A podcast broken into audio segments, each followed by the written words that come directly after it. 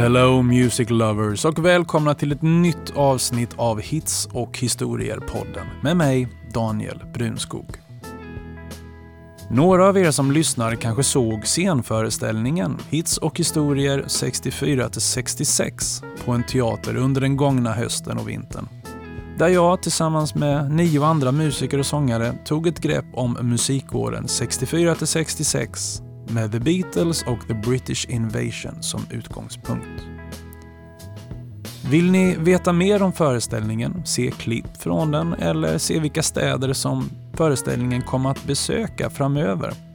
Då ska ni gå in på hemsidan som heter hitsochhistorier.se.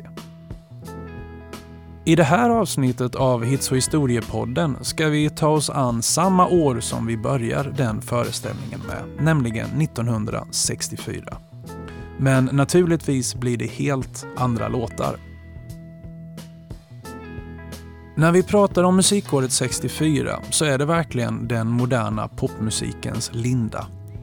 Visst hade Elvis ställt hela USA på ända redan 1956 med helt nyskapande rockiga coverversioner av låtar som Hound Dog och Blue Suede Shoes. Men ska man vara ärlig hade inte mycket förändrats sedan dess. Visst hade nya grupper och artister kommit och gått, men på hitlistorna i början av 60-talet lät det mesta som det gjort i mitten på 50-talet. Men så kom Beatles och The British Invasion och musikvärlden exploderade på båda sidor av Atlanten.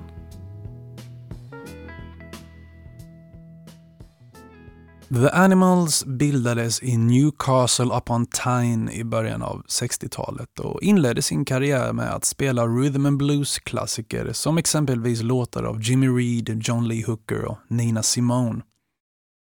Det har ofta återberättats att gruppen, som ursprungligen hette The Kansas Five, fick smeknamnet Animals på grund av sina vilda scenframträdanden och att det till slut föranledde namnbytet. Men detta har förnekats av bland andra sångaren Eric Burden så sent som 2013 då han menade att namnet var en hommage till en vän till bandet som kallades för just Animal. I början av 64 så hade gruppen nått så pass stor framgång i nordöstra England att de skickades ut på turné i landet tillsammans med en brokig skara soloartister och andra band med Carl Perkins och Chuck Berry som de stora dragplåstren. The Animals valde att avsluta sin del av showen med den gamla folksången The House of the Rising Sun eftersom de ville sjunga något annorlunda som sista låt för att sticka ut från de andra banden och artisterna som alltid avslutade med ösiga låtar. Det funkade och reaktionen från publiken var så bra att bandet den 18 maj åkte till en liten inspelningsstudio på Kingsway London och mellan två spelningar avsatte man lite tid för att spela in låten. Bandet var ju redan välrepeterade och satte låten i den tredje tagningen. The House of the Rising Sun, som ibland också kallas Rising Sun Blues, spelades in för första gången 1933 av Clarence Tom Ashley och Gwyn Foster under titeln Rising Sun Blues och redan då antogs låten vara närmare 150 år gammal. Uttrycket Rising Sun återkom i två olika betydelser i ett par engelska sånger. Dels som namnet på en bordell men också som det generella namnet för en pub. Det är en vanlig uppfattning att låten före The Animals version alltid berättades från en kvinnas perspektiv och att gruppen var först med att ändra det till ett manligt perspektiv. Men den typen av variationer i låtens text finns där redan när man jämför den första nedskrivna texten och den första inspelade versionen. House of the Rising Sun blev en transatlantisk listetta, det vill säga den blev etta både i England och USA. Och i USA så var det faktiskt den första brittiska listettan som inte hade någon koppling till Beatles. Bob Dylan hade spelat in en egen akustisk version av den här låten till sitt debutalbum 61. Och det sägs att han blev så påverkad av att höra Animals elgitarrbaserade version att det var där och då som han på allvar tog beslutet att fortsätta med övergången från akustisk gitarr till elgitarr. En övergång som han hade funderat på sedan han hade sett Beatles uppträda på Ed Sullivan i februari samma år. Jag är väldigt förtjust i Eric Burdens sångröst, men det som framför allt får mig att återkomma till The House of the Rising Sun är orgeln som spelas av den då 22-årige Alan Price. Det var dessutom till stor del Price som arrangerade bandets version av House of the Rising Sun och därmed, får man nog konstatera, la grunden till framgångssagan för The Animals. There is a house in New Orleans They call the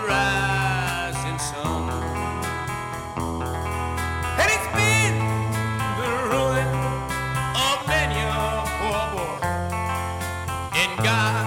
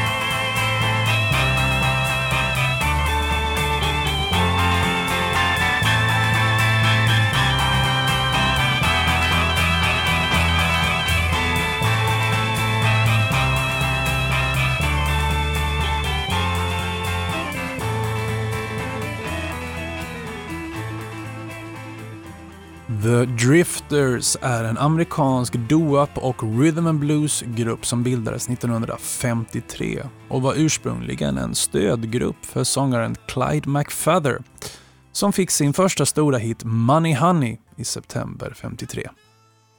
Men McFather blev i samma veva inkallad i armén och inom ett år var han ute ur gruppen.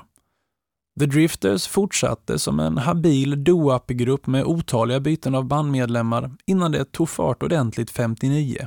Då med Ben E. King som leadsångare. Han gick sedermera vidare från gruppen och blev soloartist och skrev bland annat hitlåten Stand By Me som blev en stor hit 61. So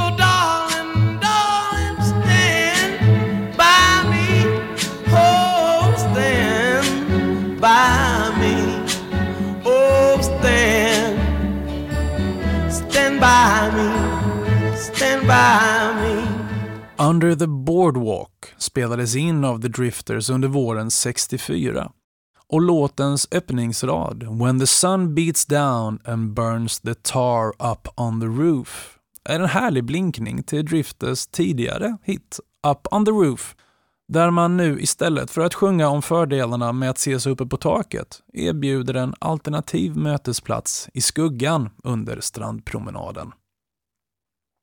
Studion var uppbokad för inspelningen av låten den 21 maj, men den av bandets medlemmar som var tilldelad att sjunga lead på låten, Rudy Lewis, dog av en misstänkt heroinöverdos kvällen innan.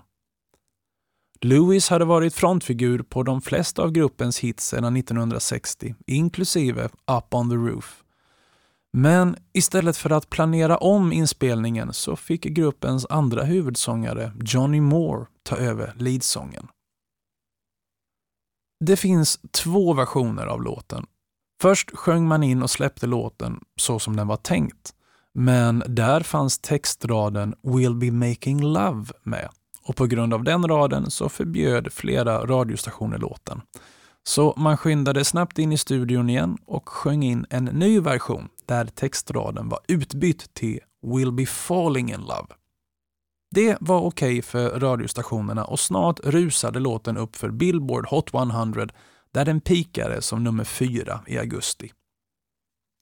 Drifters turnerar faktiskt än idag, men knappast i en uppsättning som liknar någon av dem som hade sin storhetstid på 50 och 60-talet. Drifters har faktiskt haft 65 olika medlemmar från genombrottet fram till idag och Johnny Moore var den som var med längst i gruppen då han med kortare uppehåll tillhörde Drifters från 54 fram till sin död 98. Jag tycker, och då möjligen med konkurrens av låten Kissing in the back row of the movies, att Under the Boardwalk är den av Drifters låtar som är bäst arrangerad. I det avseendet att musiken verkligen matchar texten. Det är sommarvibbar i den absolut sydligaste delen av Kalifornien med tydliga mexikanska inslag i arrangemanget. Och sen har vi det där underbart sparsmakade elgitarrplockandet som ligger i bakgrunden och som är helt sagolikt. Oh, when the sun beats down and burns the tar up on the roof And your shoes get so hot you wish your tired feet were fireproof Under the boardwalk, down by the sea, on a blanket with my baby's where I'll be. Under the boardwalk. Out of the sun. Under the boardwalk. Having some fun. Under the boardwalk. People walking above. Under the boardwalk. We'll be making love. Under the boardwalk. Boardwalk. From the park you hear the happy sounds of a carousel. Mm, you can almost taste the hot dogs and french fries they sell. Under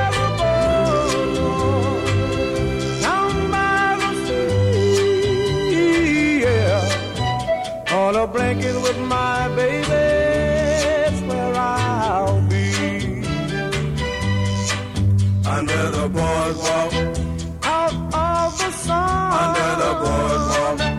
We'll be having some fun. Under the boardwalk. People walking above. Under the boardwalk. We'll be making love. Under the boardwalk. Boardwalk. Kinks var ett engelskt rockband som bildades 1964 i Muswell Hill i norra London av bröderna Ray och Dave Davis och blev en viktig del av the British Invasion. Ja, åtminstone fram till dess att bandet 1965 fick turnéförbud i USA som resultat av ständiga bråk mellan bröderna som gått överstyr och orsakat skadegörelse både i hotellrum och på offentliga platser. Trots alla bråk höll dock bröderna ihop sitt band i 32 år, vilket ju är lite längre än vad bröderna Gallagher i Oasis lyckades med på 90-talet, trots liknande problem. Vi ska här fokusera på Kinks-låten All Day and All of the Night som, liksom deras tidigare hit You Really Got Me, förlitar sig på ett enkelt gitarriff. Seglivade rykten gjorde länge gällande att Jimmy Page, som var med i Yardbirds 66-68 och sen bildade Led Zeppelin, spelade gitarr eller tamburin, eller rent av båda två, på inspelningen. Och det skulle inte ha varit helt orimligt eftersom han jobbade som studiomusiker i London vid tidpunkten. Men det har på senare år dementerats både av bandet och av Page själv. Däremot satt han tydligen med i kontrollrummet och lyssnade på inspelningarna. Precis som med många andra väldigt framgångsrika artister så lyckas ju Kinks här nästan plagiera sig själva och sin stora genombrottslåt, som i det här fallet ju var You really got me. Jämför själva. Först lite av You really got me och sen All day and all of the night.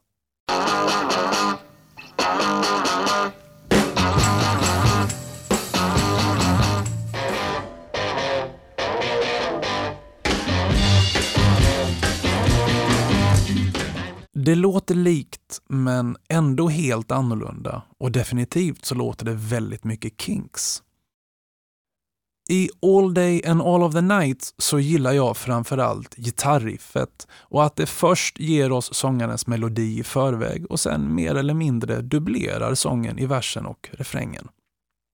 I upptakten till refrängen ligger sen ett helt annat parti baserat på andra ackord där ljudbilden liksom öppnas upp med hjälp av körsången innan vi går in i refrängen som, även om den egentligen är mer eller mindre identisk med versen, ändå blir annorlunda i och med att kören sjunger ovanpå gitarrerna på ett sätt som kören inte gör i verserna. Gruppen maximerar på så sätt variationerna i låten utan att egentligen ändra grundförutsättningarna i den. Det är otroligt svårt att göra det på ett så till synes enkelt sätt som Kinks gör i den här låten. Och det är inte så konstigt att en sån musikåtervinnare som Per Gessle, som också oftast jobbar med få ackord och att i dem hitta så många variationer som möjligt, är en stor Kinks-fan. För Kinks det är blueprint för bra rockmusik, helt enkelt.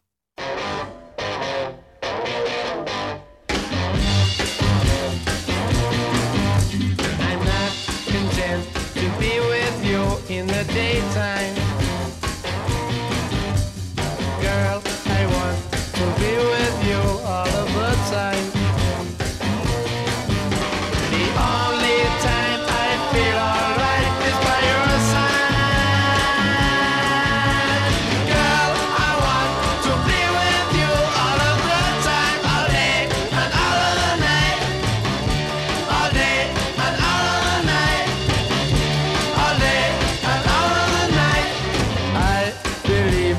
The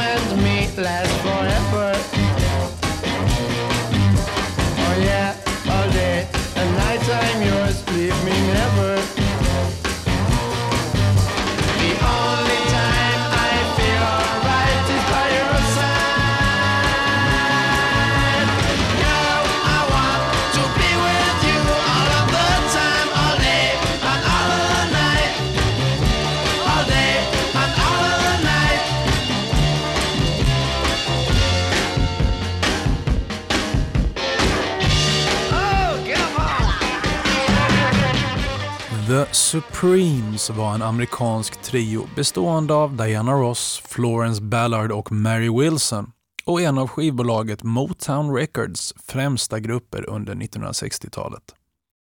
Än idag är man USAs mest framgångsrika vokalgrupp någonsin med 12 singelettor på Billboard Hot 100. De flesta av de här hitsen skrevs av Motowns huvudsakliga låtskrivarteam Holland Dozier Holland och så även Come See About Me som vi ska fokusera på här. Come See About Me blev den tredje av fem Supremes-sånger i följd att toppa Billboard Hot 100. De andra var Where Did Our Love Go, Baby Love, Stop In The Name of Love och Back In My Arms Again. I mitten av 1960-talet var Supremes Beatles största konkurrent i världsomspännande popularitet och ofta tudades de om att toppa Billboardlistan. Come See About Me toppade listan två gånger, först 64 och sedan igen 65 och däremellan hittar vi en annan låt i dagens avsnitt, nämligen Beatles-låten I Feel Fine som vi ska återkomma till längre fram. Trots att Supremes var först med att spela in Come See About Me i mitten av juli så blev de inte först med att ge ut den som singel, för det blev nämligen Nella Dodds. Och varför blev det så?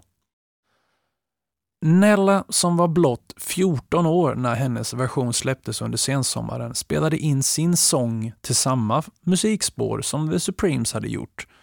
Och det förfarandet, det var inget ovanligt på Motown Records i Detroit. Man kan ju sedan tänka sig att skivbolaget släppte Nellas version först för att testa om låten höll helt enkelt. Eftersom hon var en förhållandevis okänd sångerska så skulle det ju inte vara någon större katastrof om låten floppade. Men när hennes singel började sälja och låten klättrade på Billboard Hot 100 så släppte Motown snabbt även Supremes version. Och när den världsberömda gruppen började konkurrera om speltid på radion med samma låt som okända Nella Dodds, ja, då bokstavligt talat försvann hennes version helt och hållet. Och söker du efter Nella Dodds på Spotify så hittar du henne, men du hittar inte Come See About Me. Förutom det genomgående goda hantverket hos låtskrivarna och studiomusikerna. De sistnämnda var en samspelt grupp som kallades för The Funk Brothers. Så tycker jag att det framförallt är Diana Ross avslappnade sång som alltid varit styrkan hos Supremes. Trots att jag vet att det, när det gäller Motown Records, ofta är närmare hundra tagningar innan den slutgiltiga versionen spelas in, så låter alltid Diana Ross approach till sången fräsch och, ja, just avslappnad. Ross var en i kvintettens sångerskor som fick samlingsnamnet The Mighty Pop Divas of the 60s och Billboard Magazine utsåg henne 1993 till århundradets kvinnliga entertainer. Men det var här 1964 som allting verkligen tog fart för Diana Ross och The Supremes. Supertrion spelade också in en tysk version av låten med titeln Johnny und Joe och den tyska versionen finns upplagd på Youtube där man förresten också kan hitta Nella Dodds version. Johnny and Joe är exakt samma låt som den engelskspråkiga originalversionen fast med en tysk text, så den tänker jag bespara er här. Men originalet är inget fel på.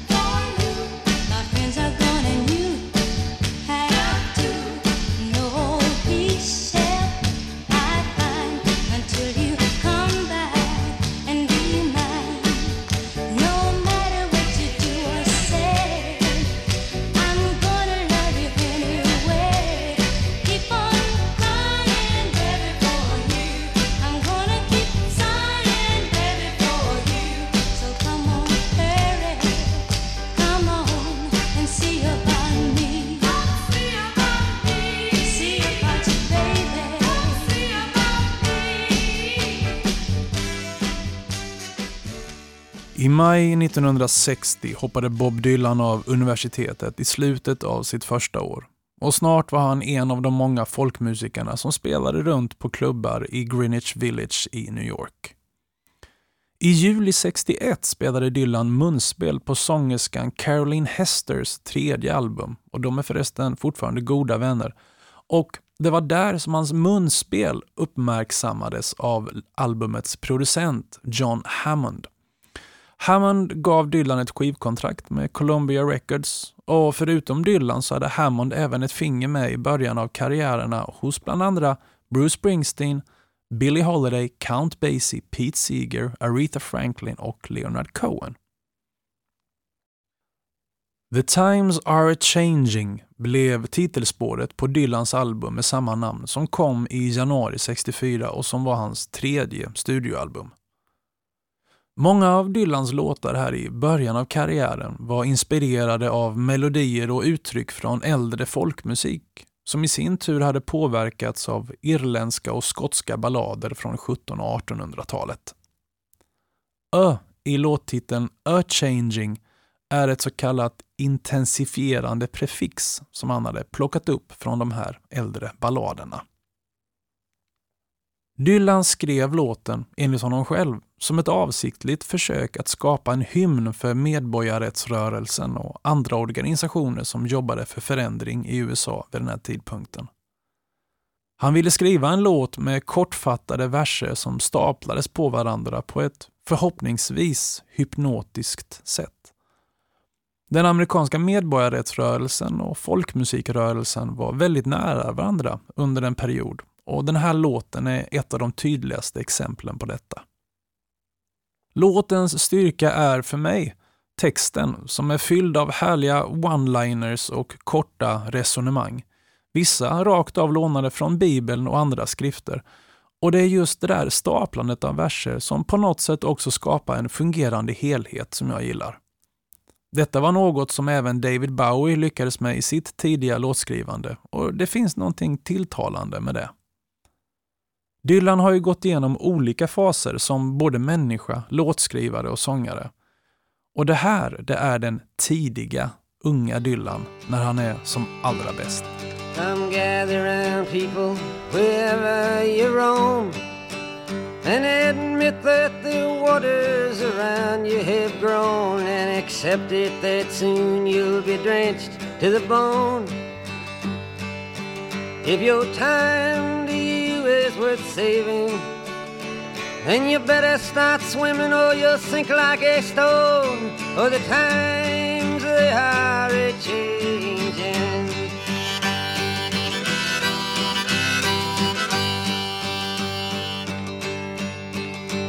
Some writers and critics who prophesize with your pen And keep your eyes wide, the chance won't come again And don't speak too soon for the wheel's still in spin and there's no telling who that it's naming.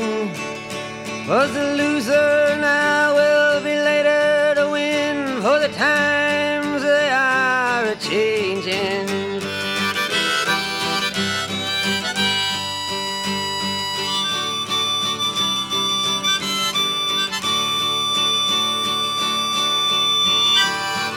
Senators, congressmen, please heed the call.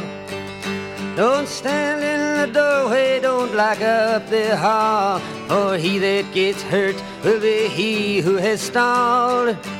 The battle outside raging will soon shake your windows and rattle your walls, for the times they are a changing.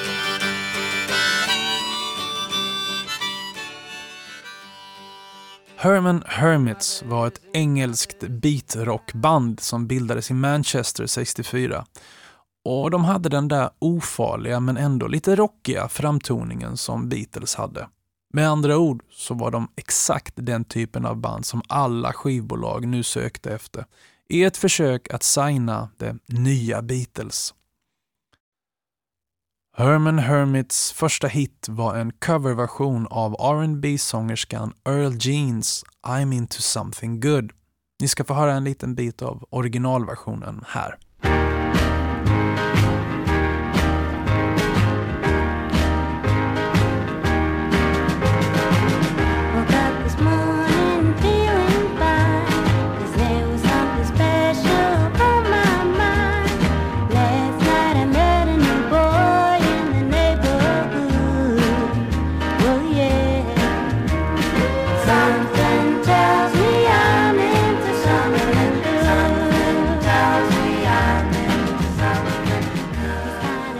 Earl Jeans Beach Boys-inspirerade originalversion blev en liten sommarhit i USA, men Herman Hermits version, som släpptes i augusti, blev betydligt mer framgångsrik på listorna, både i USA och framförallt i Europa, dit Earl Jeans version aldrig hade nått. Låten skrevs av de äkta makarna Carol King, som skrev musiken, och Jerry Goffin, som skrev texten och som dessutom vid tidpunkten råkade vara ett av USAs mest framgångsrika låtskrivarpar. Deras samarbete fortsatte fram till 1984, även om äktenskapet kraschade 68. Det faktum att Jerry faktiskt var blivande far till det barn som Earl Jean väntade när hon sjöng in I'm into something good kan må hända ha påskyndat den processen. King och Goffin var vid mitten av 60-talet anställda låtskrivare på The Brill Building i New York. Och andra som också var eller varit knutna till Brill Building i och kring denna tid var exempelvis Burt Bacharach, Neil Diamond, Paul Simon, Phil Spector, Liza Minnelli och inte minst Elvis-låtskrivarna, för det är ju det som de är mest kända som, Jerry Lieber och Mike Stoller. Goffin och King befann sig, tillsammans med de andra låtskrivarna just då, i fara för utfasning när den brittiska vågen av band svepte in över USA. Eftersom de flesta av de här brittiska grupperna skrev sitt eget material. Men Herman Hermits var under sin korta peak 64 66 ett undantag. Vilket naturligtvis påverkade bandet på flera sätt. Dels fick de låtar av en kvalitet som de och många andra nybildade band vid den här tidpunkten aldrig skulle kunnat drömma om att skriva själva. Men nackdelen är att det såklart kan bli lite identitetslöst med ett tjugotal olika låtskrivare på ett och samma album. Vilket i sin tur kanske hade en långsiktigt negativ påverkan på bandets karriär. Men om man struntar i allt det där och bara lyssnar på låten, ja då är det här riktigt, riktigt bra.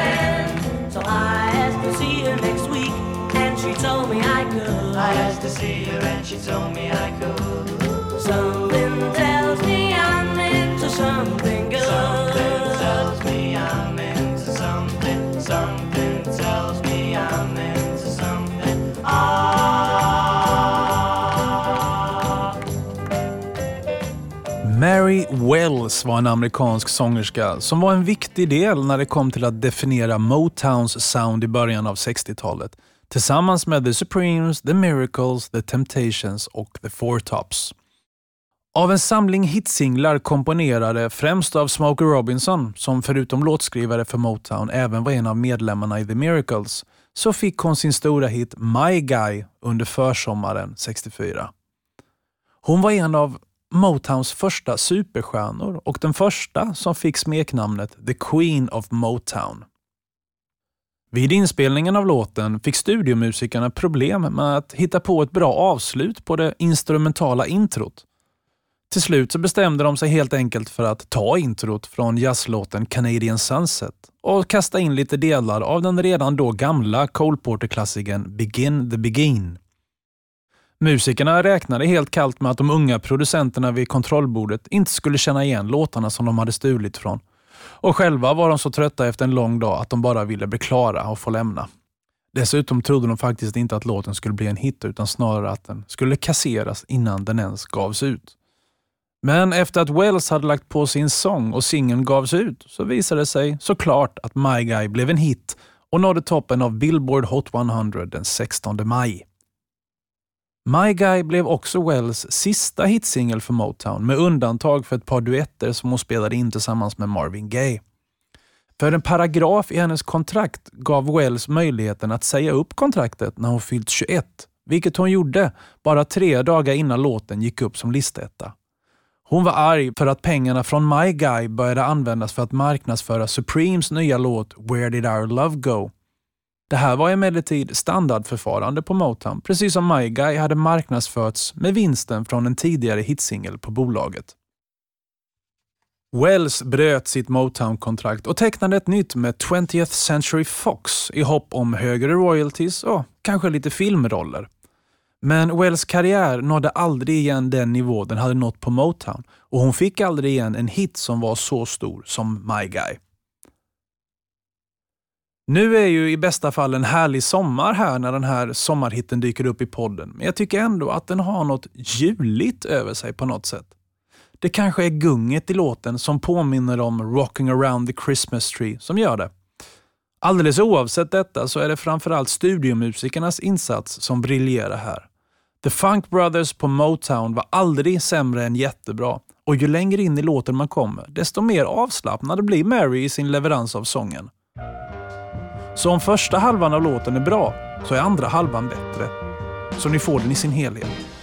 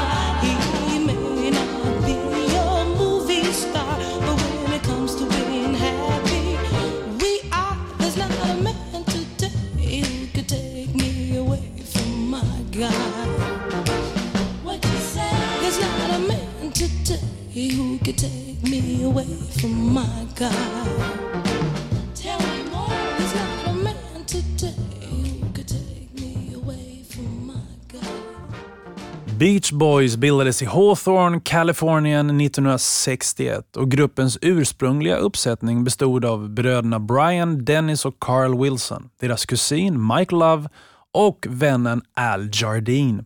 Och man började faktiskt som ett garageband under ledning av Brian och med fadern Murray som manager. Beach Boys släppte sin första singel Surfin redan 61 och den följdes upp av Surfin Safari som blev deras första listetta men inte listetta i USA, utan faktiskt bara i Sverige av någon anledning. Don't Worry Baby, som vi ska lyssna på i det här poddavsnittet, skrevs av Brian Wilson och Roger Christian. Den sistnämnde skrev texterna till många av Beach Boys tidiga låtar.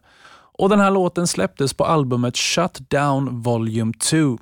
Den släpptes också på singel, men då bara som B-sida till Beach Boys första Billboard-etta, i Get Around.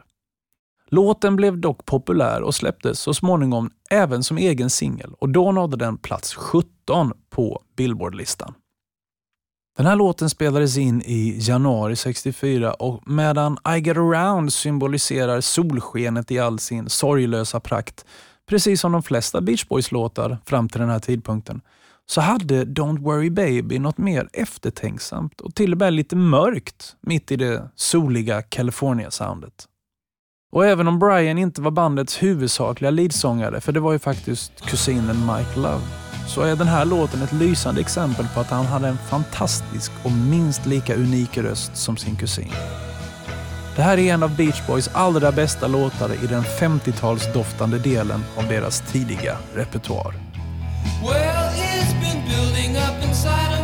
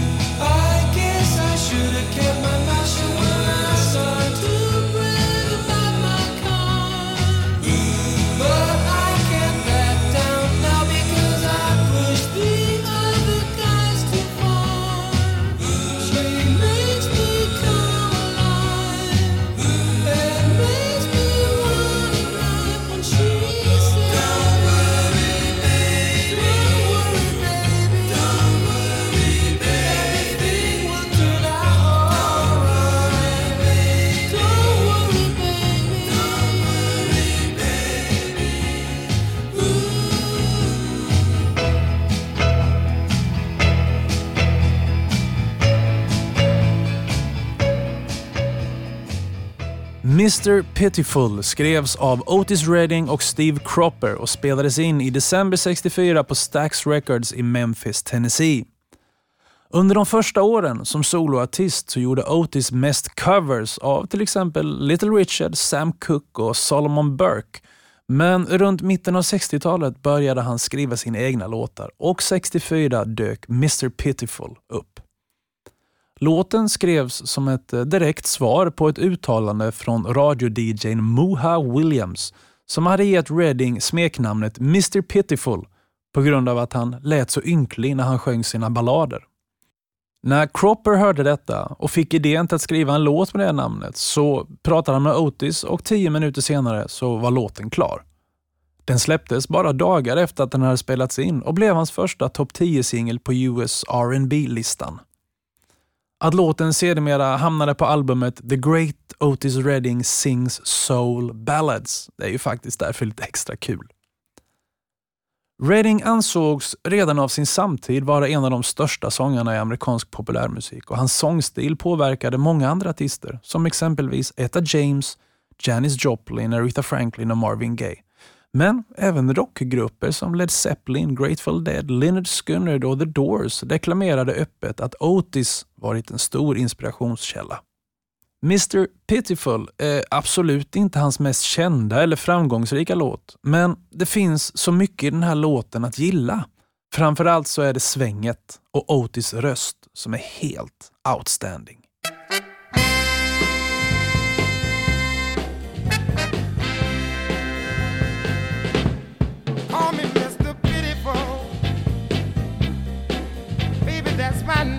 Oh, you call me Mr. Pitiful.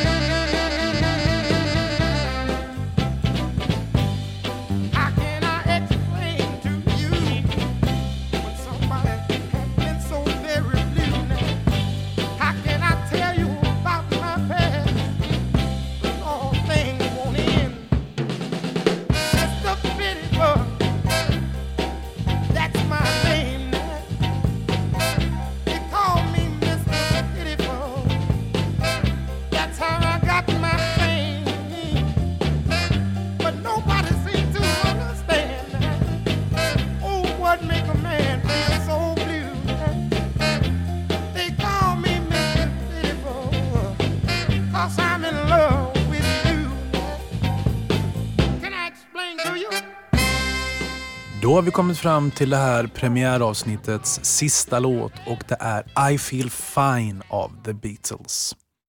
Låten släpptes som singel i slutet av november och hade skrivits av Lennon i studion samtidigt som gruppen höll på med låten Eight Days a Week. Och Det här var den första Beatles-låt som släpptes mer eller mindre samtidigt både i England och USA. Den nådde toppen av den brittiska singellistan den 12 december och Billboard Hot 100 den 26. Låten var också den sjätte singeln av Beatles som blev nummer ett på Billboard Hot 100 under ett och samma kalenderår, vilket var rekord.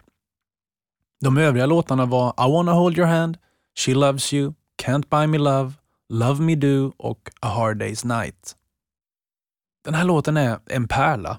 Den har ett underbart rb inspirerat riff och, och så blandar man det med lite latinorytmer. Jag är ganska säker på att de plankade Ray Charles hitlåt What I'd say från 59. Hey mama, you treat me wrong. Come and love you daddy all night long, all right now. Hey, hey, all right. Och det går liksom inte att utelämna I feel fine när strålkastarljuset är riktat mot 1964. Den här låten var också ett av de tidigaste exemplen på användningen av feedback som en inspelningseffekt i populärmusik. Grupper som The Kinks och The Who hade redan använt feedback live, absolut, men Beatles var sannolikt den första popgruppen som medvetet spelade in det på skiva. Man la det precis i början av låten så det skulle vara helt omöjligt att missa.